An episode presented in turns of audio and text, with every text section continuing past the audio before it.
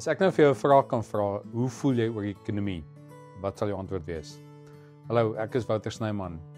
Nou ek praat met baie mense daar buite en dan kom ek agter dat hulle in in baie opsigte baie negatief is. Negatief is dalk oor oor die politieke omstandighede in Suid-Afrika en ehm um, en dalk so klein bietjie negatief is oor meneer Zuma en Kandla en en dan het ons nog goed soos Brexit wat uh, meeste ouens sê maar wat is dit? Dis doodgewoon Brittanje wat die Europese Unie verlaat het. En wat is die impak op jou en my hier in Suid-Afrika?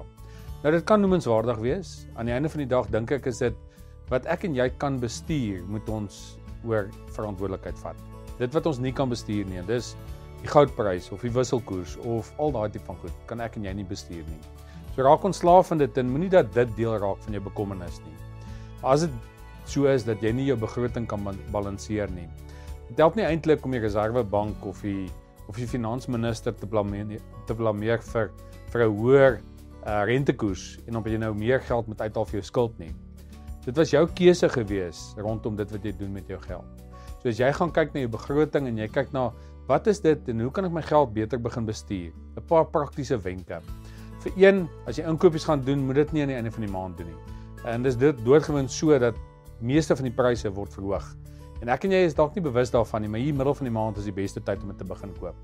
As jy gaan kyk na jou kar, meeste mense gesels ek mee en dan ry 'n kar so om en by 5 jaar. Nou ek glo in Duitse Duitse tegnologie en meeste van hulle weet ek kan vir 10 of 20 jaar gery word. Is dit doodgewoon net vir jou gemaklik om dalk 'n nuwe kar te koop of 'n nuwe huis te koop of 'n klomp nuwe goed, meubels en dis meer. Aan die einde van die dag dink ek is dit 'n kwessie van hoe hanteer ek en jy ons finansies? Koop ons impulskopies en is ek en jy besig om um amper half 'n verbruikersmentaliteit te hê. Menende my geld is daar doodgewoon om verbruik te word of het ek 'n beleggersmentaliteit en dit is doodgewoon die volgende is dat as ek geld maak en daai daai hardverdiende inkomste wat ek verdien het hierdie hierdie maand is ek besig om iets op hierdie stadium vir myself op sy te sit. In die oomblik as jy dit begin doen, begin jy beheer vat oor dit wat binne jou beheer is. En jy kan uit die, aan die einde van die dag. Ek sien mense daar buite wat 10 of 20000 rand 'n maand verdien en wat besig is om hulle welvaart te bou. Daarenteen sien ek mense wat 50 of 100000 rand 'n maand verdien. En al wat hulle doen is hulle is besig om hulle verbruikersmentaliteit uit te leef. Die nuwe pakkie wat jy dalk wil koop mevrou.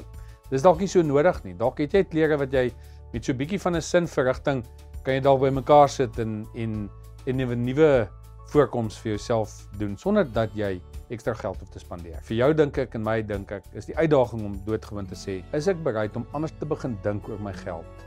Onthou nou net, as jy dit nie gaan hou nie en as jy dit gaan spandeer, gaan jy nie aan die van die dag nie regtig iets het om voor te wys nie. En die nuwe kamera of die nuwe iPhone, ehm um, dis dalk 'n baie oulike toerusting om te hê, maar dit sê nie dat jou ou foon nie nog net so goed is nie. As jy gaan kyk na jou selfoonkontrak, ek sien soveel mense spandeer honderde rande omdat hulle die nuutste pakket wil beding. En jy kan gaan sit in 'n koffiewinkel waar jy gratis opvangs het in terme van data.